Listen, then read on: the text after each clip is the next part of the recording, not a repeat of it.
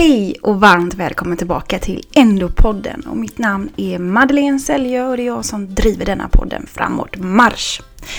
Jo, välkommen till veckans avsnitt. Som idag kommer handla om en medsyster som heter Jenny som bor i Skåne, eller Småland kan man räkna lite som man vill. Men i Svea rike i alla fall. Hon eh, valde att eh, möta upp mig eh, och berätta sin historia som är väldigt, väldigt stark och intensiv. Så förbered dig nu, sätt dig bekvämt, var mottaglig, eh, lyssna, försök förstå. Kanske bli berörd, kanske få lite energi, kanske får hopp. Det är det jag vill ge. Och jag tror att Jennys historia kan ge er många hopp. För det kommer inte bara handla om endometrios den här veckan. Utan hon kommer även nämna lite kring sin nuvarande situation som hon genomgår som är IVF. Och jag har en känsla av att vi kommer följa följas åt med Jenny genom hennes resa. Jag kommer se till att dokumentera hennes resa inom IVF. Men hon ska få berätta mer själv och vi går över till, ja, när jag träffade Jenny helt enkelt. Här kommer Jennys historia. Varsågod. Hej Jenny! Hej! Eh, här sitter vi i bilen i, i Falkenberg, eh, ja, ute på ängarna här. Ja, Det är lite, ja, lite trafik i bakgrunden men det får man ta. Helt ja när man det är möts. lite mysigt ändå ju. Ja men det är det faktiskt. Sitter i bilen lite, lite regnstänk och sånt på fönstren och ja, det blir avslappnat. Jag tänkte bara fråga dig lite så här. eh, Vi har suttit och fikat lite nu och det är mycket att sammanfatta men om du har möjlighet att bara börja med att ta upp liksom hur det började med endometriosen för dig. Mm. Först kanske du vill berätta lite om dig själv. Vem du Ja. är. Ja. Eh, jag heter Jenny ja. eh, och jag bor i Ljungby Mm. Med mina två barn som är, eh, ja de fyller nu sju och nio i sommar. Mm. Fotbollsgrabbar båda två, jätteroligt. Mm. Och sen har jag min sambo då ju Mm. som bor ihop med oss också så vi bor där. Allihop. Eh, ja, Mm. så att eh, ja, det är full rulle. Min man är, han är ju eh, egen företagare. Eh, så han jobbar med ett magasin och sen, ja det är som en, eh, vad, är, vad kallas det, mediebyrå och ett magasin så jag jobbar ju där. Mm. Så det är mycket intervjua folk och Ja. få lära om allt annat, Ja. eh, företag och så, så jättekul. Eh, men det kräver kan en del. Nu gör jag ditt jobb då liksom att Ja, jag ska intervjua precis. dig. Då får du Känns lite märkligt. Ja, det, men det kan vara bra. Det Det, brukar vara tvärtom. Ja, men det är lite roligt ju. Ja. Men vi, vi tänker vi kan börja lite hur det började för dig. När du liksom, om man tar endometriosen just då. Vad var det? Vad var detta för något? Var det din? se. Det var nog min kanske. Nej men oj. Jag, så jag stänger av den helt här. Det var bara min telefon. Jaha, var det den? Jag tror att det var eh, GPSen som inte hade stängt av. höger. Så det är den avstängd. Nej men egentligen började väl... Alltså jag, jag fick ju me- mens jättetidigt. Jag tror jag var 11. Oj! Jag fick mens. Jag hade ju väldigt, alltså hela jag blev utvecklad ganska tidigt eller så ju. Men och jag hade jättemycket smärta i magen och jag blödde jättemycket. Alltså jag svimmade och alltså jätteont i magen och, och sådär. Men, eh, men eh, ja, de sa ju som många säger att eh, det är så det är när man fått mens, speciellt i början och allting kommer igång och allting sånt. Så att alltså jag vande mig med, det egentligen. Att man hade ont liksom under de Mm. liksom mens och sådär. Men sen i tonåren så hade jag jätteont också ju. Hur gick det med skola och det då liksom? Ja, alltså det var tufft ju. Ja. Eh, men någonstans, alltså jag var ju hemma när jag hade mens och sånt. Jag tyckte det var jättejobbigt och, Mm. och sådär. Jag hade mycket ont i magen eller sådär. Men eh, alltså jag har ju alltid varit väldigt, haft väldigt ont i, alltså i leder och i muskler. Och, Mm.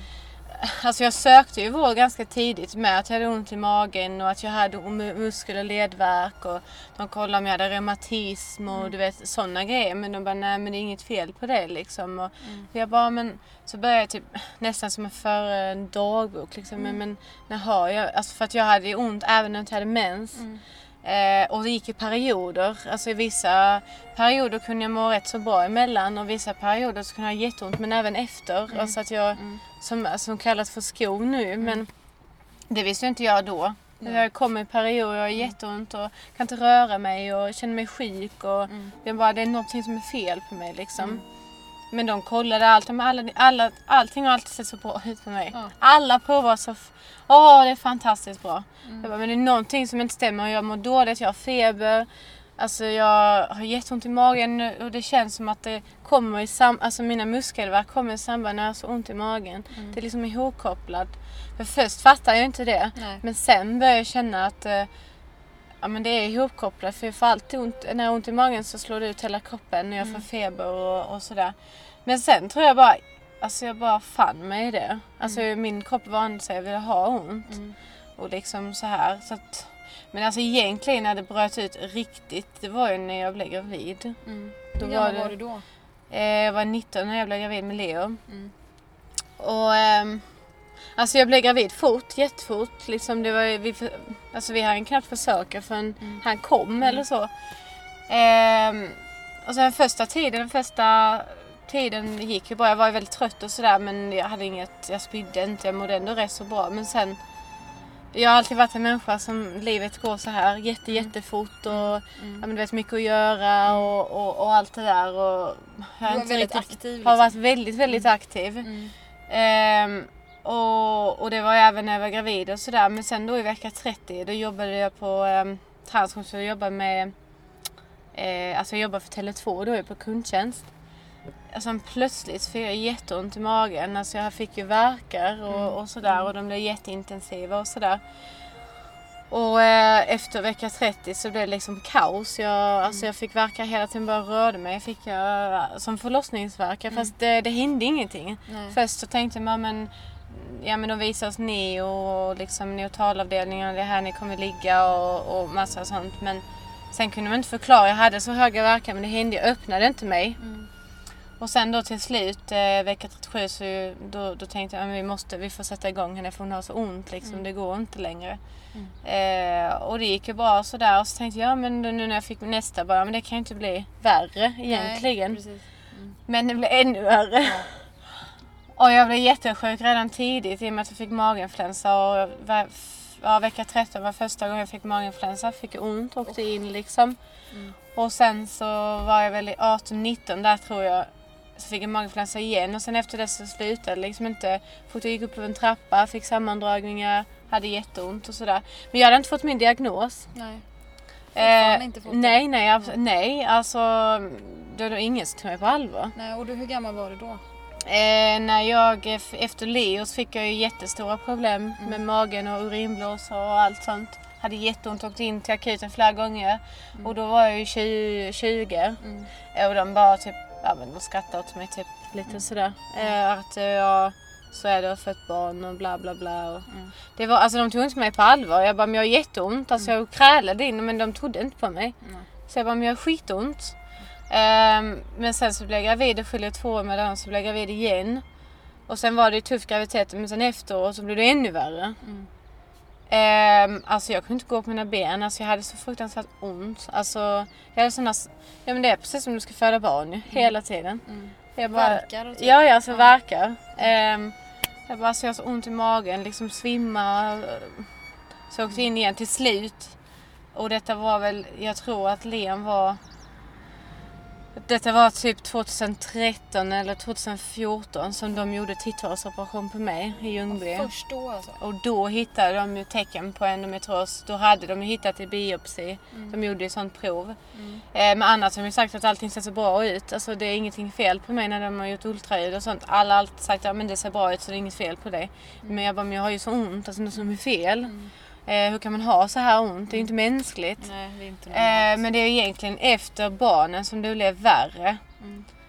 Eh, och sen fick jag min eh, fick jag ju diagnosen men jag, det var ingen som berättade för mig vad det var för något ens. Alltså jag fick det hemskickat på ett papper Så de, det var biopsin som de typ tog? som de hittade. Och så Eh, fick du ett papper hem? Ja, det var typ det enda. De, de förklarade inte vad det var för Nej. mig, jag visste inte alls. Nej. Och eh, alltså i och med att jag inte visste det så alltså, jag sökte jag vård fortfarande. Och ingen berättade för att jag hade endometrios, att det var därför jag hade så ont i magen. Mm. Sen, ehm, sen fick jag ju, ehm, alltså jag har haft cyster och sånt med så då har de ju gått in och opererat. Men sen skulle de börja med, eh, alltså för att då hade jag ett skov. ehm, och då, ehm, då sa de att vi får ta, eh, eh, ta dig ner klimakteriet. Mm. Och jag då som inte, jag tål inte hormoner. Det är därför jag vägrat p-piller i alla år. Jag, Alltså jag mår inte bra av det. Mm. Nej, du, var, Jag klarar inte, jag klarar inte det. du Alltså, mår dåligt psykiskt? Ja, eller? jättedåligt. Eh, plus att jag har ont i magen ändå. Mm. Eh, så att det liksom inte hjälpt. Eh, så att jag har ju struntat i det där. Men så fick jag en sån här um, nässpray då ju. Och alltså problemet är att ingen förklarade mig hur det gick till. Ingen förklarade att det kunde bli värre de första veckorna. Mm. Eh, alltså jag fick ingen information om vad det var för något jag hade. Så jag trodde inte jag var sjuk liksom. Eh, för det var ingen som berättade, okej här och nu Jenny, det är detta och detta som är och det funkar så här. Eh, utan jag bara fick hem på papper och sen så sökte jag vården då och det är ingen som berättade att ja, men det är, därför, det är din endometrios för ingen läser journaler. Eh, och sen då när jag fick den här, och ingen som berättade att ja men Jenny du kan bli ännu sjukare de första veckorna för det pumpar dig liksom mm. med hormoner du inte tål. Och sen kommer det liksom Mm. slå ut dig. Ingen som berättar hur det kommer vara. Eh, så kommer jag ihåg att jag hade jätteont och jag blödde sådär. Satt jag på, ehm, det hade jag tagit det någon vecka och sånt och det hade, mådde jättedåligt. Men jag jobbade ändå och trotsade att jag skulle göra det och sådär. Sen satt jag hos frisören med, eh, vad heter det, färg i håret. Ja. Och satt och snackade och sånt. Mm. Sen plötsligt bara, bara forsade ut Nej blod. gud. Alltså jag var nerblodad hela jag. Och hon fick panik och jag bara... För då hade jag ju ont redan innan. Alltså så och jag blödde och sådär. Men bara från ingenstans bara... Alltså det var jättemycket blod som bara kom ut. Och jag, det kändes precis som... Ja men alltså jag hade förlossningssmärtor ju. Och jag bara, åh fy fan, åh fy fan. Och jag bara reste mig. Hon bara, sätt dig ner. Och det bara rann. Alltså vet du, jag hade jeans på mig, jag kommer ihåg. Och jag bara, det, alltså det var blod hela vägen här. Hade jättemycket, det var bara ner alltihop. Hon bara, hon bara, vad ska vi göra? Jag bara, men vi har färg i håret. Mm, jag, måste, jag måste ju ta ut färgen. Ta ut färgen först. Ja, Ja. jag bara, nej men nu får vi lösa detta. Mm. För att jag tänkte ju bara liksom, nej men alltså, ja, ja det får blöda. Då sa jag, jag måste min, färg i håret. Jag, mitt hår kan ju inte bli förstört över Nej. detta. Så jag, tänk, alltså, jag vet inte hur jag tänkte egentligen. Mm. Men, eh, och hon där bara tog handdukar som var under mig. Mm. Alltså du vet och det bara alltså, det blödde ändå liksom. Så att eh, handduken var blodiga med. Men hon bara, vi stoppar blod. Eh, alltså det kändes, eh, nu aldrig, jag vet inte om det, det blev nog traumatiskt liksom. För att jag blev, det var så mycket blod. Alltså du vet vanligtvis så när man blöder mycket och sånt så får man byta blin- binda ofta. Så, men det här var ju liksom katastrof. Det var katastrof. Jag har aldrig varit med om det. Nej. Och Obehagligt. fattade ingenting och jag hade så ont i magen, jag kunde gå ingenting. Och sen så bara, ja, ja hon fick ta mig och hon tog ut och hon bara, ja men eh, någon kan hämta dig. Då var mitt ex, ja, han var på eh, match liksom. Mina svärföräldrar som jag hade då, de var inte hemma. De var i Göteborg, ingen var hemma. Och, ehm, och hon bara, du vet så här, hon är unga där hemma och så här, hon bara eh, men jag kör hem dig. Alltså det var ju inte så långt. Men hon Nej. bara, nej men in i bilen med dig. Och vi fick liksom Mm. ta, eh, vad heter det, eh, handdukar på sätena för att det inte skulle bli... Hon bara, men alltså klarar du dig? För du ser väldigt blek ut. Mm. Eller så. Jag bara, ja ja men det är lugnt. Eh, och sådär. Men jag var, men sen så klingade det av ju. Mm. Jag tänkte, ja ja men, eh, för jag fick ju inte tag i någon heller. Nej. Alltså så. Men ja, men sen så tänkte jag, ja men, nej, men, men det blir nog bra. Mm. Alltså nu har du ju liksom, eh, ja alltså stannat upp Mm. och sådär. Men sen då jobbade jag på ett jobb som var extremt stressigt. Jag hade en jättehemsk chef. Eh, så att jag tror också att Alltså nu idag när man tit- tittar tillbaka liksom och ser mönstren. Okej, Mm. när är det jag får skov? Eh, så har det ju varit i perioder där livet går så här, alltså upp och ner. Och när det har varit tuffa perioder i livet Mm. så har det varit, har jag förstått nu att det har blivit mer påtagligt. Alltså jag har haft mer ont. Mm. Eh, och jag har haft mina skov i perioder där jag inte har mått eh, alltså rent mentalt. Nej. Alltså det har varit tufft för mig. Mm. Ehm, och just i den perioden då hade jag en väldigt hektiskt eh, jobb. Jag, jag är en människa som jag är alltid glad och vill ge alla energi och Mm. Eh, vill att alla ska ha det bra och, ja, men du vet, så här, och jobbar väldigt hårt. Alltså jag älskar att jobba och, Mm. ehm, och jag tror också att, när du, att jag har jobbat så hårt är också för någonstans att koppla bort smärtan. Att Mm. den har blivit en slags... Att jag, när jag har ont, ja, men då jobbar jag ännu hårdare. Mm, för att, liksom. Ja men no, alltså jag tror att psyket har varit tvunget och annars hade jag nog aldrig klarat det. Eh, men just den perioden då var det ju mycket med jobb och så, så jag var väldigt stressad. Men sen ringde jag dagen efter liksom och eh, ja, alltså, och för då började det blöda igen liksom. Men det var ingen när jag åkte upp som förklarade för mig. Nej. Ja, ja, men det kan ju bli så i, eh, i början. Jag bara, ja, fast aldrig i livet, jag vill inte ha den. Då blev, du blev liksom inte tagen på allvar då? Nej, absolut inte. Jag fick, jag fick inte ens medicin. Ingen smärtlindring? Nej, nej. Jag har ju Panodil och sånt och vad fan är det för något tänkte jag. Ja. Och, men eh, sen tänkte jag bara, skitsamma och palla inte liksom. Så jag slutade faktiskt gå till Ljungby då. Mm. Och det var ju liksom typ 2014, jag var där nog ett år tror jag. Mm. Eh, sen var jag skit i detta, jag kom inte blev ändå tagen på allvar. Jag kunde gå och krypa till akuten, det var ingen som brydde sig ändå. Nej. Så att jag eh, fick ingen smärtlindring då heller. Nej. Så jag tänkte, men då skiter jag vilket också. För att jag är inte den som är den. Alltså Nej. jag bryr mig, då skiter jag vilket. Du kan lika bra vara hemma liksom. Mm. Men sen, eh, men sen har jag, sen har jag haft några skor med åren liksom kanske Alltså jag har haft, alltid haft ont men jag, det är precis som om kroppen har varit van. Mm. Men sen har jag haft kanske någon gång åt året lite kraftigare. Mm. Men sen tog jag, tänkte jag bara, och sen var det då för, vad kan det vara? Fyra år sedan, något sånt var det nog kanske. Ja, någonting i den. Sådär. Då hade det jätteont och jag blev desperat. Jag ringde runt överallt i Stockholm. Alltså överallt till specialister. Mm. Ja men vi tar bara emot våra Mm. typ i vår kommun först och då får du vänta. Och jag tänkte bara, jag hade inte kunskap och alltså jag kände ingen som hade samma som jag och inga läkare som Nej. var normala. Mm. Alltså så de tog inte mig på allvar så då kunde jag inte gå till dem och, och sådär. Sen, så jag googlade jättemycket bara, men var ska jag ta mig någonstans? Ja, ja, men då var det i Halmstad då Mm. som jag såg det. Ja, men Halmstad hade någon sån här specialistteam. Endometriosteam? Ja, sånt här som var specialister på just endometrios. Och så tänkte jag äntligen, Mm. äntligen så är det någon som...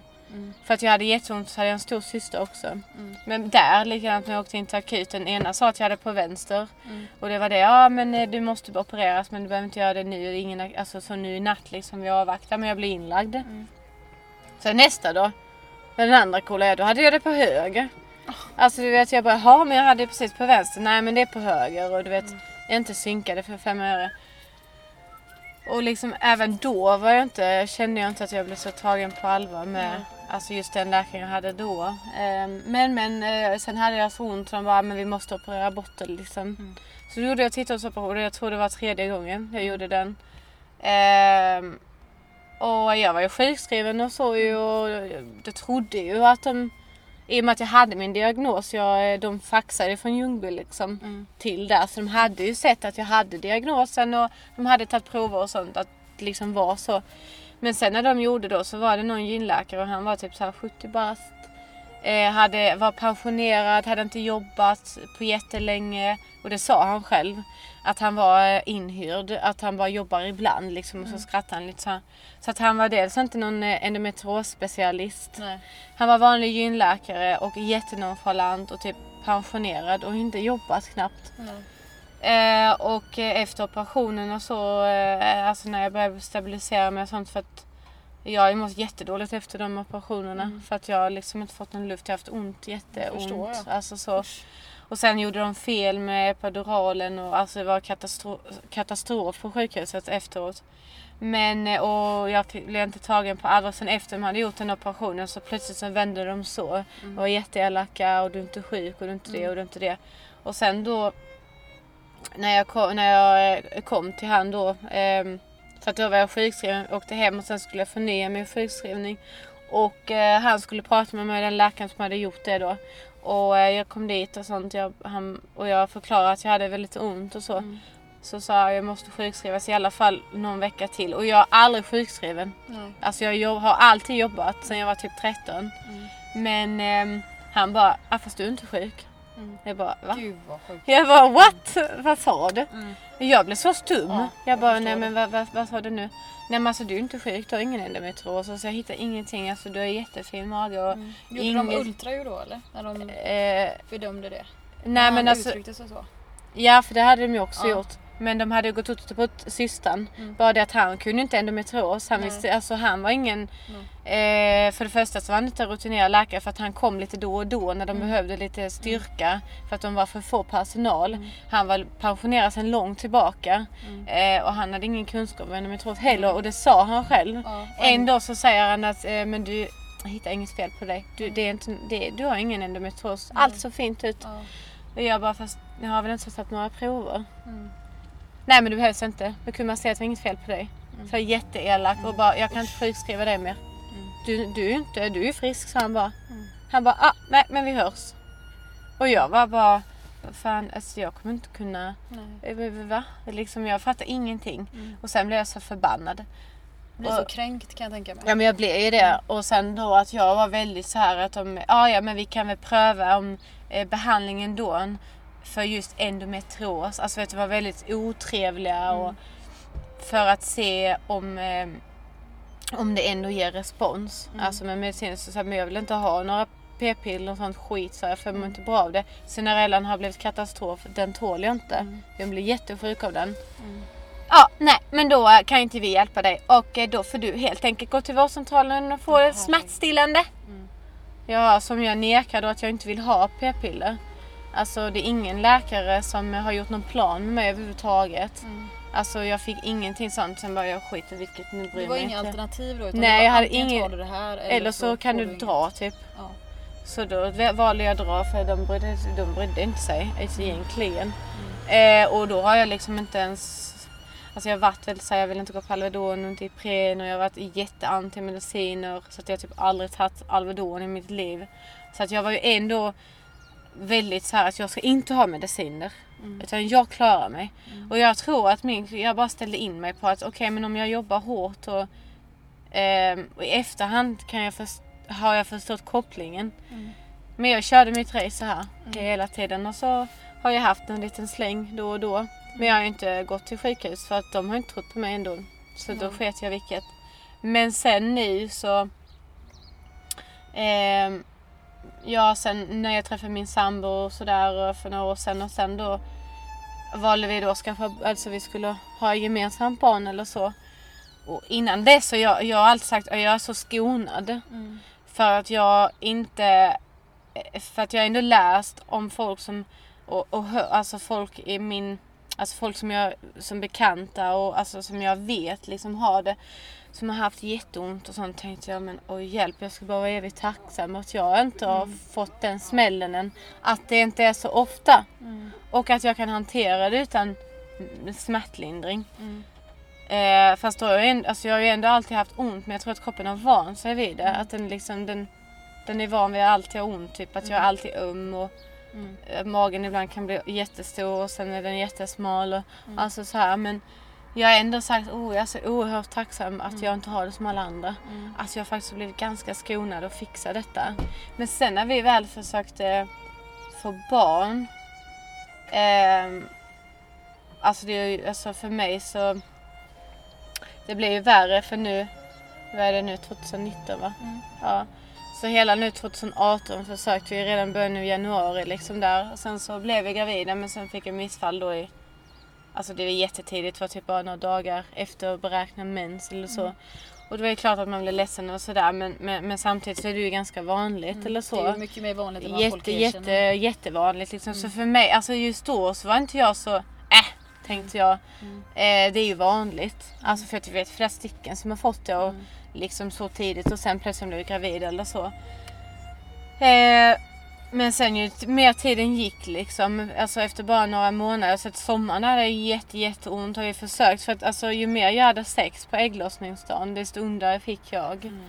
Ehm, jag tänkte att jag fixar detta, fixar detta. Är det ingen fara och, sådär och nu ska vi bara ha barn. Liksom. Alltså, vi ville så mycket så att jag, ja men jag, nu får det vara så liksom. För vi måste ju ha sex, annars så går det inte så bra. Eh, men sen då på eh, sommaren då, förra sommaren 2018 så åkte vi till Serbien. Och sen plötsligt bara fick jag attacker i magen. Alltså jag hade så fruktansvärt ont i magen. Ehm, och då förstod jag inte då att det var min endometrios Nej. som bara liksom hade ändrat riktning. För att jag var inte van vid att få attacker. Nej. Utan jag hade mer generaliserad, alltså att ont hela tiden. Mm. Och sen att jag hade ont, ägglossning och mens. Men Mm. Inte så här liksom i denna formen. Så jag visste typ först inte vad det var om jag hade blivit matförgiftad tänkte jag. För att jag låg krampad på golvet, jag mådde så illa. Jag bara, fan jag har nog fått eh, matförgiftning. Men det höll i sig hela veckan. Liksom. Vi var där i fem veckor. Ehm, och då var vi, vi var i Montenegro också så att eh, det började i Serbien och sen åkte vi till Montenegro. Vi hade jätte, jätteont och sen så åkte vi tillbaka till Serbien och för att min eh, sambo är då eh, 50% serb då så han har släktingar där. Och den ena är läkare då, den ena där och hon bara, men vi måste ta det till akuten och sånt. Och jag tänkte bara, äh, de kommer inte veta någonting om Nej. endometrios. Jag kan säga att hon visste mer än jag någonsin har hört en läkare här i Sverige. Och då är det ändå ett land som, som har krigs, eh, liksom har haft mycket krig och är förhållandet till Sverige är väldigt fattigt. Eh, men de kunde mer om detta. Alltså det var som jag, alltså överallt jag var, alltså naturbutiker eh, butiker överallt så var det endometrios, eh, eh, hur man läker endometrios naturligt. För de har väldigt mycket alternativ behandling just där. Eh, och jag bara tänkte, men vad är detta? Hur kan de veta allt detta? Jag tänkte att jag skulle komma till denna läkaren och berätta för honom hur det var. Men han berättade snarare allt jag inte visste. Och då pratade han liksom på serbiska och jag hade en som översatte eh, till, eh, liksom, till engelska. Eh, för han kunde inte heller svenska och min, min, min man var, var nere med barnen liksom. Eh, så för mig var det liksom, det var väldigt så omtumlande. och de bara, de tittade ultraljud och sånt på mig och ja men du har endometrios sa de direkt. Och jag bara, Jaha. Ja för att de, de, de frågade mig, för att jag har endometrios och då sa han direkt, ja men du har endometrios, här har du tabletter. Och jag bara, jag vågar inte ta tabletter liksom sådär. Eh, men idag är det ju mot endometrios, alltså de tabletterna som jag skulle ha tagit. Eh, och då förklarar han ju liksom så här och de uteslöt också allt annat liksom så här. Men eh, sen när jag kom därifrån eh, så slutade det liksom inte. Nej. Och sen då i, jag hade så ont liksom hela sommaren, hela tiden. Alltså fruktansvärt ont som jag pallar snart inte längre. Ehm, och sen började ett nytt jobb och där var jättemycket stress och det var väldigt så här hög presentation. Alltså jag skulle pres- prestera mycket. Eh, och det var innan jag började hos min sambo igen.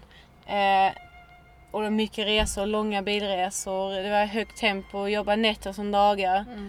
Eh, till slut så sa bara kroppen pang en vacker dag bara sån. Den bara, alltså det var, det var brutalt. Alltså det bara kollapsade. Den bara gick sönder. Alltså det, det gick inte längre. Och min svärmor, då jag kom ihåg min svärmor, det var en, ehm, det var en lördag ja. Ehm, och ehm, nej det var söndag morgon ja. Och ehm, då hade jag haft ont för att jag hade haft en längre tid, period, ont när jag åt. Alltså det eh, krampade i magen på mig. För, och det var det jag trodde först var eh, matförgiftning. ju. Men de sa ju att det var min endometrios där nere.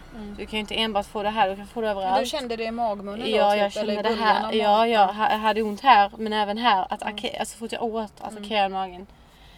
Kom hem och sen bara en, eh, och så gjorde den så och sen var det liksom bra ibland. Och sen plötsligt bara ingenstans så fick jag jätteont i magen igen. Och jag tänkte vad är det? Jag åt inget konstigt och du vet så här, jag tänkte konstigt detta är liksom. Och sen då bara den helgen min, min eh, svärmor var där, hade jag ont den helgen. Men sen på söndagen där så åt vi frukost och bara från ingenstans bara attacker, hela magen attackerade mig. Och jag bara, hon bara alltså hur mår du? Ja men jag mår bra. Och för att jag vill inte visa för barnen. Nej, det är klart. Eh, och sen bara, alltså det bara rann svett för mig. Alltså jag hade så ont i magen. Jag bara, jag har så ont, jag har så ont, jag har så ont till slut. Så bara skrek jag. Alltså jag, jag, jag krälade in, alltså jag liksom kröp in till rummet, alltså mitt sovrum. Och eh, tryckte mig in i hörnet. Och var inte kontaktbar. Alltså det var helt, kroppen hade slått ut. Nej, det var jättehemskt var det. Och till slut hon bara, men jag ringer ambulansen. Nej för fan, du ringer inte till ambulansen. Jag är inte dödssjuk och eh, jag vill inte komma till Ljungby. Nej, precis. Jag vill inte sätta min fot där. De kommer inte hjälpa mig ändå. Nej. Ja men vad ska vi göra sa hon. Du kommer inte klara bilfärden. Alltså till Växjö. Jag, jag, men jag gör inte, men hon, de ringde ändå. Alltså jag hade jätteont. Alltså jag var inte kontaktbar. Jag var helt borta liksom. Och då kom ju ambulansen och sådär. Jag var helt borta. Och eh, ja, de förstod på akuten. Trodde de var gallan eller något. och de pumpade med medicin. Jag bara, det gick inte ändå. Jag bara hoppade runt i rummet så mycket jag skrek. Mm. Men då blev jag inlagd och så. Men då, då jag sa ändå, ja men jag är endometrios. För allt, allting var ju bra. Hela tiden, allting är så bra med Alla mig. prover och sånt Alla bara, i men det är inget fel på dig. Vi förstår, ja, men det är inget fel på dig. Mm. Att din le, däremot din, le, din lever, det förhöjda värden i levern. Eh, Men eh, det vet vi inte varför. Jaha, okej varför inte det? Nej men det kunde du inte svara på. Nej. Jaha, jag tänkte jag, jag tar ju inte mediciner så kan inte vara det. Men sen skitsamma tänkte jag, ja men de vet väl vad de gör. Mm. Men eh, jätteotrevligt med mötande. Jag sa ändå flera gånger men jag tror att det är min endometrios. Jag tror att det är min endometrios för att jag har ont här också sa jag. Inte bara ont här, jag har ont här. Det känns som att jag ska dö här nere. Mm. Både övre och nedre? Ja, jag hade både övre eh, magen och under magen. Eh, och de bara sk- ja, men, skrattade åt mig. Och så kom gynekologen, "Ah, det är inget fel på dig. Mm. Ja, du ska ha ägglossning. Jag bara, nej den hade jag för flera dagar sedan. Jag har, alltså vi har vi försöker bli gravida. Eh, Jag tar ägglossningstest och de sviker inte mig. Alltså de, de, de ser ju när det är liksom är så. Så att jag vet att det inte stämmer. Ja men eh, jo det är så. Ja, men det är ingen endometrios här. Han bara liksom till kirurgen, nej det är inget fel på henne. Eh, men till slut så visste de inte, i och med att de sa inte det var något fel på mig och det var inte något fel på prover eh, och de gjorde röntgen och de gick ner med magnet och allt vad det nu var. Nej, då var det enda sättet att öppna upp mig. Eh, och de skrattade åt mig och allt vad det nu var. Det, det var liksom, ja, jag kommer inte hitta något fel på det ändå. Så han bara skrattade. Mm. Och jag var ju jätteledsen. För att jag ville inte vara kvar. Jag ville bara hem. Jag bara ta mig hem. Jag vill inte vara på detta skitsjukhuset. Ni kan inte hjälpa mig ändå. Det är något som är fel på mig. Ni fattar ni inte? Ni ser att jag är dödssjuk. Mm. Jag är jättesjuk. Alltså, det, jag, jag, jag kunde inte ligga still. Jag bara skrek ju. Mm. Och de såg ju att något var fel. Men de kunde inte förklara vad. Nej. Och ändå sa jag, jag tror faktiskt att det är endometrios. Jag tror att det är min endometrios som ändrat riktning. Eh, men de sket i det. Öppnade upp mig. Rörde runt i magen, katastrof. Efter det, hela magen kollapsade. Alltså Mm. endometriosen blev jätte... Plötsligt så bara blommade det upp. Mm. För sen dess har jag varit jättesjuk. Men då var det inga, det var inga gynekologer som opererade? Nej, nej, det var bara en kirurg. kirurg. Ja. Som inte, han sa till och med till mig, ja jag vet inte vad endometrios är, det får du fråga din gynläkare. Mm. Men däremot sa han ju att jag hade blodvätska, alltså jag hade vätska, alltså blod i buken, jättemycket blod. Mm. Eh, men då hade de varit och pillat. Mm. Så att när de hade opererat mig klart så var det katastrof. Alltså det var så, ja, ja fan vad gjorde. Mm. Jag bara, ni har fan förstört mig sa jag. Alltså nu har ni gjort så att jag har fått min endometrios tillbaka. Nu har ni gjort den ännu värre än vad den var från början. Jag sa till er att det var det. Mm. Och nu har det blivit ännu värre för mig. Eh, men sen så jag bara, jag ska åka hem. Och, ehm, men det gick ju inte att vara hemma liksom. Så att jag åkte tillbaka dagen efter. Men då åkte jag till Växjö. Mm. Och där fick jag väl första eh, hjälpen egentligen. Mm. Eh, hade jag en, eh, en första läkaren jag hade, han var IVF-läkare. Ehm, och han eh, sa till mig att eh, alltså du har ju din endometrios. Det är ju din endometrios Mm. eh, som spökar. För att han, eh, han var jätteduktig med endometrios också. Eh, men så sa han det, men ni vet ju om att ni är berättigad. Alltså jag kan skriva liksom för att ni har försökt. Och egentligen ska man inte försöka mer än sex månader och ha endometrios. Men det visste inte jag. Och eh, nej men han förklarade och liksom sa han bara men jag vill ehm, eh, vi måste få stopp på din endometrios. Ehm, eh, så att eh, jag tycker att du ska gå på p-piller. Ja men det vill jag inte ha sa jag. Nej. Om det nu är så nära, alltså det kommer flippa hela systemet på mig för jag mår inte bra av hormoner. Eh, och han pratade, alltså det var akuttid också så han hade ju inte tid och liksom. Nej, nej. Han var, alltså, han- jag kände ju att han hade kunskap men han hade inte tiden. Mm. Jag vet inte, de hade ju väldigt så här, eh, oj, eh, alltså tidspressat liksom. Mm. Och jag hade så ont också. Så du genomgå ultraljud och det är ännu värre när de gör det. Och det ännu liksom, kollapsade ännu mer så fort de bara rör liksom Mm. så. Um, han bara, men jag tycker ändå, ja men är det bara två månader att vänta så jag, jag står ut liksom. Det är självklart jag gör det. Nej, jag, jag, nej men då känner jag att då vill jag inte hålla på och mixtra och ska man få mensen tillbaka. Och du vet jag vet inte ens hur IVF funkar. Nej. Så jag tänkte jag bara, "Ha, ska jag ta den i en månad och sen ska jag dit och sen ska de vänta på mensen? Nej, så är det lika bra att inte mixtra med kroppen Mm. och låta kroppen läka själv. Mm. Så att jag gick hem, tog inte ut p-pillerna. Eh, men eh, sen nästa mens, för detta var i oktober och i november bara pff, igen. Mm. Total kaos och sen gick det inte längre. Nej. De sa det bara, du, då blev jag inlagd. Eh, och eh, de sa du får inte under några omständigheter försöka bli gravid. Mm. Utan nu kommer vi stoppa det för att din kropp den behöver vila. Mm. Och jag kände ju ändå liksom att, att de har, alltså de tog mig på allvar. Mm. Och det är också ett endometrios-team som de har satt ihop. Mm. Ehm, däremot tycker jag inte att de har kunskapen. Men däremot så förstår de. Alltså de, är, de känner empati. Mm. är många som jag, sen har det varit några, men de har inte varit med i det teamet utan det var vanliga eh, sådana här stafettläkare. Mm. Som man också fått när man åkte in akut Mm. eller så. Men överlag som har varit underbara. Alltså så, eh, så sett. Eh, men i alla fall, då sa de stoppa allting, nu måste du gå på p-piller.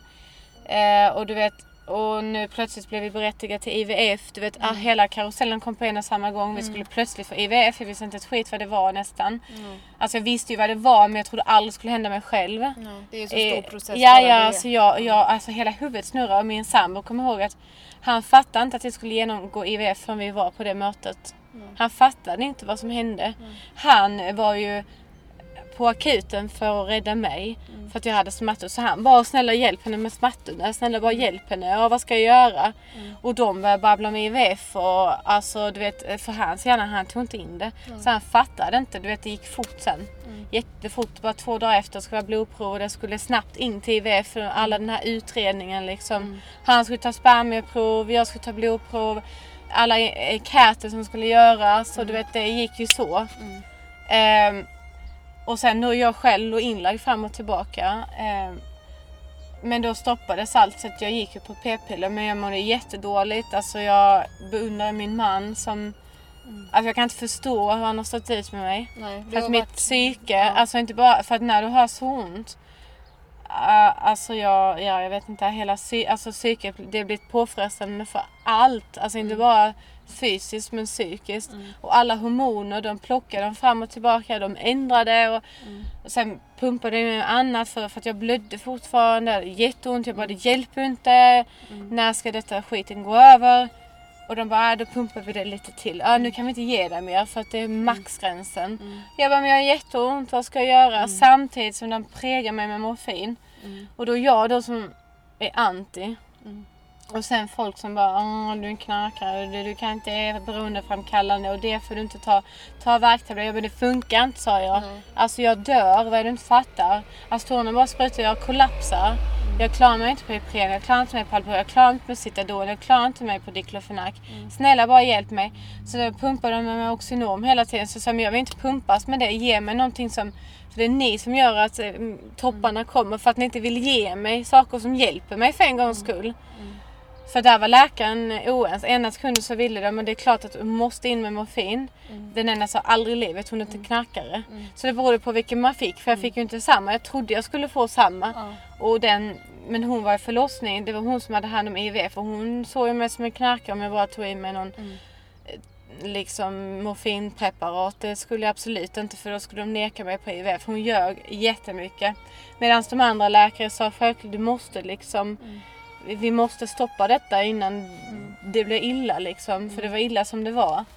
Så jag åkte in, jag har varit, in, oh, jag varit inlagd alltså. Det, ja, så många gånger. Men eh, i alla fall, alltså, i denna cirkusen, alla känslor, du skulle gå in på IVF. Mm. Okej, vad innebär det? Jag började läsa om det.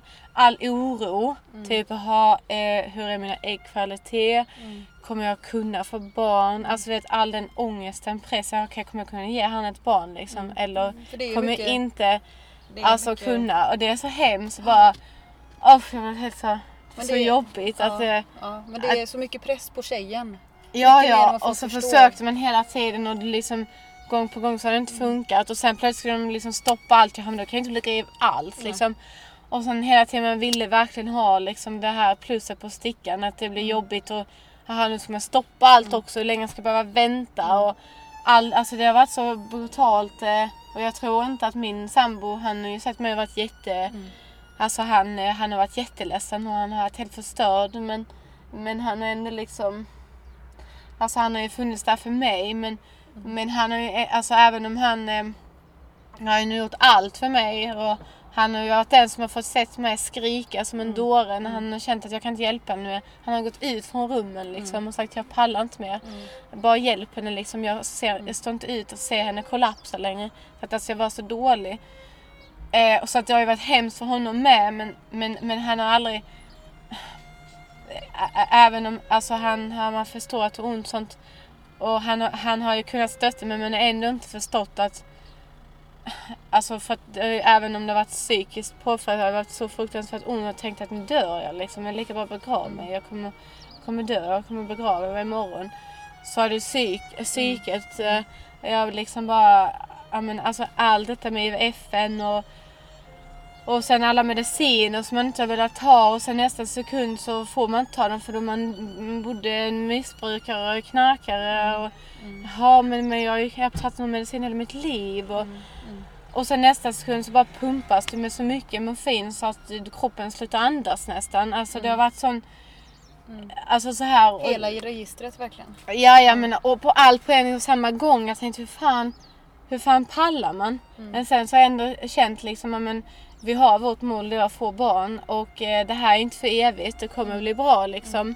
Och jag har mina, mina två fantastiska barn som har gett mig all den energin jag behöver. Utan min familj så hade jag liksom inte varit där jag är idag på grund av den här smärtan. Men, men jag har ändå ha- haft, haft hoppet uppe oavsett när jag har varit inlagd och allting varit katastrof. Och ligger där helt ensam och jag har inte orkat träffa någon. Jag bara, jag orkar inte. Jag har inte ens, knappt, när jag varit som dålig, orkat haft mina barn där. Jag sa, det är bättre att de inte ser mig. För de kommer bli ledsna om de ser att mamma är så sjuk. Även om jag inte har alltså, döende, jag alltså, har inte varit eh, så att jag ska dö liksom, fått ett döds, men ändå så har det ju känts som att kroppen den, alltså, den har stängt av. Alltså liksom kroppsdel för kroppsdel. Att den, det är precis som att det känns som att nu, nu stängs det av. Nu stängs den av, nu stängs den av. Jag känt mig inte varit i min egen kropp bara. Nej. Det tror jag nog ändå, eh, om jag får säga det här nu, eh, att det är nog väldigt stor styrka i dig. Att du har haft den här viljan ja, och ja, ja, envisheten och hoppet framförallt. ja, det tror jag är väldigt jag viktigt att lyfta fram. Och Ja. att du tar till dig. För det, det tror jag många kommer reagera på när de hör din berättelse nu. Det är att du har ett jättehopp som driver dig. Ja, Det, ja. är, det är helt orimligt allt det du har gått igenom. Det Ja. är helt orimligt av en person att gå igenom det. Ja men så känner jag så för många läkare har ju sagt liksom att eh, det finns chans att liksom bara avbryta. Mm. Så bara nej för jag, nu har jag kommit halvvägs, aldrig i livet sa jag. Jag har ju stått ut med allt detta. Aldrig i livet sa jag. Eh, och min sambo flera gånger, men vi kan avbryta, vi kan avbryta. Så sa jag nej för att jag vill lika mycket som du. Alltså jag vill ha den här bebisen och jag tror att liksom jag vet att många, alltså, alltså om man verkligen längtar så mycket, du kommer liksom när allt detta är över så kommer du liksom se tillbaka. Men om man tittar på sin bebis så kommer man liksom få se att åh, det är värt allt liksom. Oavsett vad. Och min sambo har alltid sagt, jag ska berätta för vår bebisen hur stark du är och allt du gått igenom för att vi ska få dig. Alltså förstår du så? Och för mig är det ju liksom Eh, men vi har gjort det tillsammans. Det är inte bara jag. Han har funnits där alltid för mig. Dag som natt. Han har alltid funnits där. Och jag tror att eh, denna resan har vi gjort tillsammans. Även om det är jag som har fått ta den stora smällen. Men sen var det ju... Alltså sen så kände jag ju ändå liksom att jag började bli des, des, des, desperat. Liksom att men det måste ju finnas Alltså det måste ju finnas läkning någonstans. Alltså det kan inte bara vara att jag ska präga i medicin och det hjälper inte ändå. Eh, så började jag läsa och jag har ju ändrat min kost. Eh, Jag gick på, har gått på akupunktur, jag började med yoga. Och utan min meditation i detta så hade jag heller aldrig, alltså nej. Det, det, det hjälper mig att kunna hantera allt, andas och liksom bara få leva i nuet. För livet har gått så här. Eh, så att du liksom inte hunnit och, och reflektera över någonting. Men när du blir så sjuk eh, så går hjärnan liksom så här. Eh, och det har hänt så mycket. Alltså mitt i allt detta, jag hamnade i en bilolycka liksom. Höll på att dö av den också. Så att alltså jättemycket som bara kom över en. Och jag tror att när man när man har blivit så sjuk och det händer någonting, alltså vet så här väldigt nära dig. Alltså du nästan kan ta på det, alltså så här. Så börjar liksom, okej men alltså jag jag tror att jag har, alltså mitt liv, alltså även om det har varit en enormt tuff resa, så har det varit det bästa jag, alltså Alltså du har fått väldigt perspektiv. Ja, alltså jag, jag, jag önskar ju ingen alltså något sånt här, inte mig själv heller men sen samtidigt så tror jag att hade jag inte blivit så här sjuk så hade jag aldrig haft det perspektivet jag har idag på livet. Nej, nej, För livet ändrades om. Mm. Um, och man fick se livet på ett helt annat vis. Du är tacksam för andra grejer. Du är tacksam för det där lilla. Mm. Alltså livet kan vara så himla ytligt. Mm. Det är en Men, väldigt bra nyckel tänker jag. Att bara, att du, och få leva i nuet. Alltså ja. man hela tiden strävar. Oh vad händer imorgon? Och, och, och om fem år. Och du vet mm. hela tiden ska sträva efter någonting som okej okay, men du bestämmer inte det ändå. Alltså att du lever inte här och nu. Alltså Nej. man missar så mycket om inte man lever okej okay, ja, men, eh, jag älskar att till naturen nu till exempel. Jag ser helt andra grejer än vad jag gjorde innan. Mm. Eh, börjat yoga och allt men, men sen nu så, och det har jag behövt för att kunna ta igenom mig mm. detta. Och sen nu när IVFen och nu är vi ju sluttampen men, men liksom det är ju inte bara fysiskt, allt det har varit så mycket psykiskt. Mm, det tror jag är viktigt också att lyfta för det, där är det många som inte kopplar ihop än. Nej. Just det här hur det psykiska är hur det påverkar psyket, att man ofta mår dåligt psykiskt också. Det kan komma depression, det kan komma kriser. Eh, det tror jag är väldigt, jag är väldigt tacksam att du tar upp det. Ja. För det är väldigt många som inte kan med utan de skäms så oerhört mycket om psykisk ohälsa. Eh, men det är ju så vanligt. Och speciellt men, om du har smärta. Ja. Alltså jag har också varit så innan. Ja, men och jag ska inte berätta liksom att ja, men jag är ju stark, liksom, jag klarar detta. Men det är så många gånger jag har brutit ihop mm. för jag bara pallar inte mer. Nej. Alltså det har varit helt brutalt. Mm. Och sen nu när vi gjorde äggplock så tänkte jag, men du vet man någonstans har man gjort hela tiden, alltså jag har varit så rädd för att göra till exempel äggplock då mm. okej okay, men och när du inte vet saker mm. heller, du, ska, du, är, alltså, du är så uppe med alla hormoner. All, allting påverkar här mm. uppe. Mm. Alla hormoner påverkar dig och du är upp och ner, upp och ner, upp och ner. Jag har varit som en vrak, mm. alltså fram och tillbaka. Mm. Och, och liksom då när, för sen när det liksom blev alla sprutor och allting var klart, allting blev inte som planerat heller. Eh, liksom jag tänkte, ja men nu är allting, men, men, men, men skoven kom emellan liksom. Eh, och sen var det då sen var det dags för att göra vårt äggplock liksom. Och någonstans så sa läkaren att allting ser bra ut. För mig blev det ju tryggt. Jag fick svar på att okej okay, men det kommer bli bra liksom. Mm. Eh, jättebra äggreserver, bra kvalitet och, och allting så här. Och bara, hmm, kan man se om man har bra äggkvalitet bara på ett litet prov mm. liksom? Det kan man inte helt och hållet. Mm. Så även om de sa var ändå lite fram till det här äggplocket liksom. Mm. Och det var mycket liksom okej. Okay. Då hade jag förberett mig för jag visste att det skulle göra ont.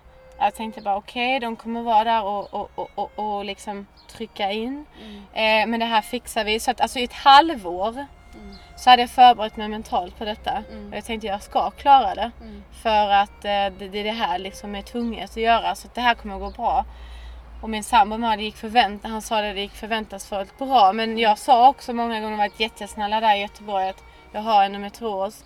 Och då har de också förklarat att det kan göra ondare. Liksom och så här. Men jag hade inte förberett mig på efter. Nej. Jag hade bara förberett mig på inför, liksom. inför ingreppet. Mm. Att jag hade helt glömt bort vad som hände efteråt. Att jag hade ingen, alltså ingen aning och jag är ändå rätt så tacksam. Mm. För hade jag vetat för ett halvår sedan att så här kommer det bli mm. om fem månader så vet jag inte om någon jävel hade gjort det. Nej. Alltså för Nej. att det hade varit för brutalt.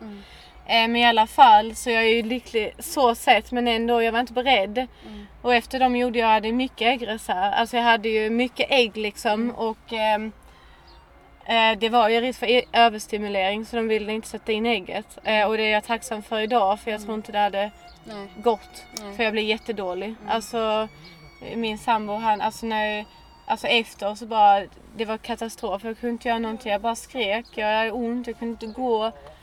Jag bara, ah, så ont, så ont. Och de gav mig tablett. Jag bara, aha, så tittade på dem. Bara, det ska hjälpa mig nu. Mm. Det hjälper inte mig, sa jag. Jag måste ta mm. mer. Mm. Eh, sen förstår ju de att de inte vill ge mig massa mediciner. För de är inte mina journaler och så. Mm. Men jag bara, jag bara visste att det här är liksom bara raka vägen till, alltså till inläggning mm. och lägga in mig själv. Och jag kommer ihåg den resan. Mm. Alltså min sambo han, alltså jag skrek i bilen. Mm. Och det var två timmar hem. Mm. Jag bara skrek och så han bara, ska jag göra? Ska jag ringa ambulans? Ska jag ringa ambulans? Mm. Ah, det gör så ont. Jag bara, åh, så här, svetten bara rann på mig. Alltså jag var också helt genomblöt och jag hade så ont, så ont, så ont. Och när jag väl kom in, jag ringde, jag, hade, jag ringde ju dit. Mm. Och, och liksom, eh, Ja, jag vet, det är katastrof, sa jag bara. Och de fattade direkt. Mm. Bara kom in Jenny. Mm. Så jag är evigt tacksam över att Växjö, de har varit så. För de har, alltså även om inte jag känner att de har haft den här fulla, fulla kunskapen.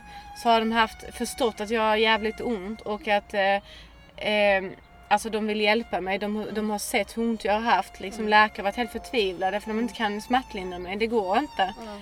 Och sen, eh, ja jag kom, alltså ja den resan. Jag, Men tänk vad sjukt det är liksom att du är att man är så van vid att inte bli förstådd och inte få Mm. empati. Att man är så tacksam, även om inte de kan din sjukdom, Nej, så är man precis. så tacksam för att de bara lyssnar och försöker. jo, jag är det säger jätte... väldigt mycket. Alltså, Alltså, för alla har inte det så. nej. Jag lider med alla som alltså för jag vet vilken smärta folk går igenom. Alltså den är så, den är så brutal så det spelar ingen roll om det, den är inte en döende. Du kan dö i smärta. Alltså den är, den är, det, det är så brutalt. Mm. Eh, och den smärtan har jag aldrig haft så innan. Alltså även om jag har haft smärta så har jag varit van vid den men detta var något helt, alltså det var något helt annat. Och det har tagit lång tid att reparera sig. Alltså jag har liksom fått, nu när efter det äggplock, jag blir jättedålig. Alltså jag var så sjuk så att jag bara Alltså jag bara tänkte jag bara ta livet av Alltså jag pallar inte längre. Nej, nej. Alltså jag bara orkar inte. Nej. För det var, alltså, det var så, alltså jag hade så ont. Jag bara tänkte, och ibland tänker man så vad fan ger jag mig in på? Alltså är det så pass att jag vill ha, att vi vill detta så mycket så att jag liksom påkostar hela livet. Alltså för att jag tänkte ju att jag kommer dö nu ju. Alltså för att den, det, det var så illa liksom. Och det sa läkaren själv, alltså du andas inte längre. Du, Nej. du har fått för mycket, alltså det gick inte att medicera mig. Nej. Du, du är så långt ner i frekven, andningsfrekvens att vi, jag, jag är desperat som vi ska göra. Jag låg bara och skrek. Det tog två timmar, alltså min sam, sambo sa det. Jag kunde inte vara i rummet. Nej. Alltså jag kunde inte se på den när du skrek så här. Och eh, jag pratade med personal efter det, alltså sjuksköterskor som försökte få, få bukt på min eh, smärta. Jag bara, jag sprängs. Alltså jag bara bokstavligen sa, jag sprängs. Alltså min äggstockar, de sprängs. De, de sprängs som en ballong nu, sa jag, rädda mig. Alltså jag trodde jag skulle dö. Och de pumpar, pumpar, pumpar morfin i mig, men det hjälpte inte. Jag bara skrek ändå. Jag bara, jag får ont, jag får ont. Ja, det tog nästan två timmar innan och då hade de fått pumpa mängder. Alltså det var så mycket morfin så att... Eh, alltså det var... Jag, jag, För att bryta det då? för att liksom. bryta, att jag hade så smärta. Jag bara, och det gick ju upp överallt. Alltså jag bara... Jag kunde inte sitta still. Jag bara, jag bara så här rullstolen och min, min man fick bära mig från bilen till rullstolen upp till avdelningen. Han sa bara det här går inte längre. För han, jag, alltså jag kommer ihåg alltså, alltså luckor av att jag satt i så här lilla rummet och satt i rullstolen och bara skrek. Jag kunde inte, jag bara satt så här som en Alltså som något vrak. Alltså bara, och han bara, jag kommer ihåg att han det här klarar inte mer så han bara gick ut.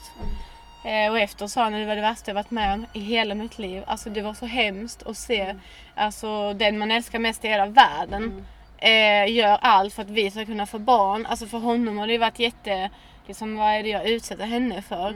Vi, vi kan avbryta och jag sa nej, det här är någonting vi gör tillsammans. Eh, det är ingenting jag gör själv.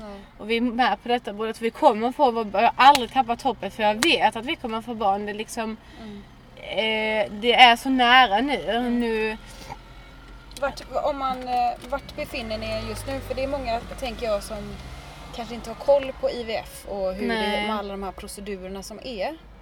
Eh, Men eh, vart befinner ni er nu ja, i nu den här processen? väntar jag på ägglossning. Nu väntar Och på den har jag, ja den är bara någon dag, nu, nu, den är bara någon dag ifrån. Mm. Så att nu har jag blinkande smiley. Ja.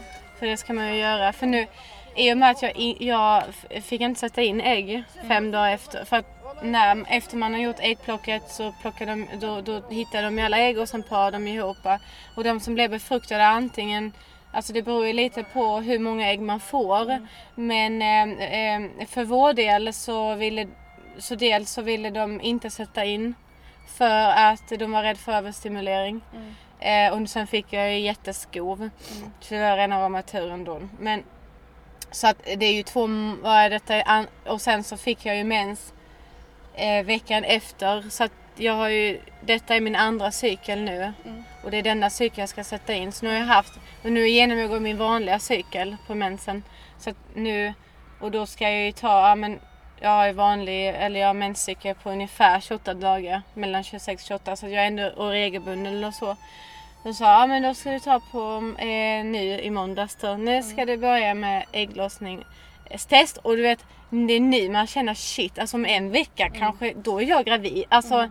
för tekniskt alltså på något mm. sätt så det är ju befruktat för vårt är ju eh, de är ju fem dagar gammalt. Mm. Alltså de äggen och ett är sex. Så att, och sen frös de in det. Mm. Så att vi har fem eh, syskon brukar vi säga mm. i, frysen, i frysen. Som ligger där och väntar. Mm. Och eh, det är jättehäftigt för att mm. även om eh, Alltså jag kan tycka att eh, även om resan var eh, tuff så har den varit väldigt fascinerande för att det är sån otroligt eh, fascinerande resa mm. med IVS. Vad de kan göra mm. för att folk ska få barn. Alltså det är så häftigt mm. att se mm. hur allting går till och hur alltså liksom de förklarar, ja nu har det blivit hundra celler. Mm. Alltså celler, det har blivit en eh, blastocysta tror jag det heter. Mm. Som har frösits ner Mm. Och som kan frysas upp och bli en bebis. Mm. Det är jättehäftigt. Ja, men det, är alltså, det är så häftigt ja, så att det är, det. Det, är, det är häftigt. Det här tänker jag, det här som du berättar nu, det är ju så många hopp som kanske är precis i början på den här resan som ja, inte ja, förstår helheten eller liksom hur det känns när man är så långt som ni har kommit. Alltså det är så häftigt. Ja, det alltså är det är så häftigt och jag tror att Alltså jag har alltid liksom, jag vet eh, och jag tror att det handlar mycket mentalt också. Att mm. Eh, kroppen kan låsa sig och du vet det är mycket tankar som snurrar i huvudet men någonstans så måste man liksom och jag tror där att min yoga räddar mig. Mm. För alla dessa liksom att leva nuet. Att okej okay, men det är då, det får vara där. Det mm. kommer ordna sig mm. Jenny. Och idag känner jag liksom att det kommer bli bra. Mm. Det, jag vet att vi kommer få vår bebis och mm. det är det enda alternativet för mm. oss. Och eh, det är så det ska vara. Så för mig ser jag att det ska bli, nu är det mer spännande för mig. Jag är, jag är jättenervös men det är spännande på något mm. sätt ändå. Jag ser fram emot det fast jag är ändå lite rädd att för rädslan kommer att mm. och lite dubbelt tänk att det ska jag, åh, ska jag frågar, jag har ringt och frågat mm. bara Ja men det här med att sätta in, hur funkar det och mm. eh, kommer det göra ont? Och, mm. mm. Ja, liksom så, så här, hon bara nej men alltså det är en kateter som ska in och den går väldigt fort, alltså går ju väldigt fort och man får inga mediciner. Och sen jag då som bara, nej men jag ska inte ha några mediciner när jag blir gravid. För att alltså helst vill man ju det. Alltså mm. jag, och det är det som har fått mig väl, att må väldigt dåligt. Mm. Att jag är tvungen att ta mediciner för att jag vill inte ta mediciner. Mm. Och det är nog det, sy, alltså, eh, jag vet att jag är ingen knarkare. Alltså jag vet ju det. Mm. Alltså så. Men det är bara det att jag, jag tycker inte om att stoppa i mig saker även om inte jag är påverkad. Mm. Alltså jag blir inte konstig eller jag kan köra bil och jag kan bli, vara normal liksom. Mm. Så det är inte det att jag får något rus men det är bara det att Ja men du vet att oh, nu ska jag stoppa ner den piller för att min mage ska, mm. alltså för, för, att jag ska klara min vardag mm. någorlunda. Eh, och sen har jag varit att eh, jag har väl sagt utan kanske läkaren liksom så att nej men nu slutar jag det kanske inte har varit så bra. Så mm. fått upp igen och så fått trappa ut och sådär. Men jag har förstått och med, med, med samråd med läkare och så nu att nej men du kan inte sluta med din medicin som Nej. det ser ut nu för det kommer att förstöra IVF om du mixar. Utan din kropp måste få få en smärta för att du ska, liksom, barnet ska må bra. Alltså, och det är inte farligt. Så jag har nästan fått, för, måste ha fått höra det hela tiden. För, för, för mig har det varit, nej men oh shit det har blivit en stress också lite även om jag är alltså, tycker att det ska bli fascinerande nu och så. så men jag, måste sluta med, jag måste sluta med tabletterna. Och så har jag ringt. Nej men jag vill inte ha det nu. Kan jag gå över till, till detta nu? För sen så bara gå över till Alvedon. Nej, alltså mm. det allra bästa är att inte röra någonting just De nu. De vill inte rugg, rucka på det liksom. Nej, och jag tänkte ja men då jag får väl bara infinna mig i det liksom. Mm. Det är ju inte så farligt. Alltså mm. så sett. Så nu är det liksom idag om en vecka så, mm. så har man liksom. Ja, det men det är mycket tankar ju. Okej, kommer ja, jag få ägglossning? Ja, kommer den skita sig bara för att man tänker på det? Mm. Så där tänker man nu när jag fick den här stickans blinkande smileys. Mm. Då nu är det nära, nu har, liksom, ja, ja. Nu har det börjat höja sig. Mm. Så nu är den bara några dagar ifrån. Mm. Så nu, nu, nu är det väl eh, mm. liksom ja, senast på fredag för då är jag 14 nu imorgon ska jag på ultraljud för att se så allting, allting växer och de kan ju se när man närmar sig slemhinnan mm. är, är tjock nog och allt vad det nu är som ska, för det måste ju också vara mm. Allting måste ju klaffa för att man ska kunna sätta in och för att det ska fästa sig. Så, Så att nu när jag så tänker jag så här på wow. Så har jag sagt till min sambo, du, typ nästa vecka, då, då är vi typ gravida. Mm. Alltså egentligen, Mm. rent, Mm. alltså man tänker så det, det är ju befruktat såklart. Mm. Sätts in där, då ska det bara liksom gotta sig där. Mm. Så jag tänkte det kommer bli hur bra som helst. Jag, och, och skulle det möjligtvis inte göra det, ja men då gör vi det igen. För vi ändå har tre försök. Men Mm.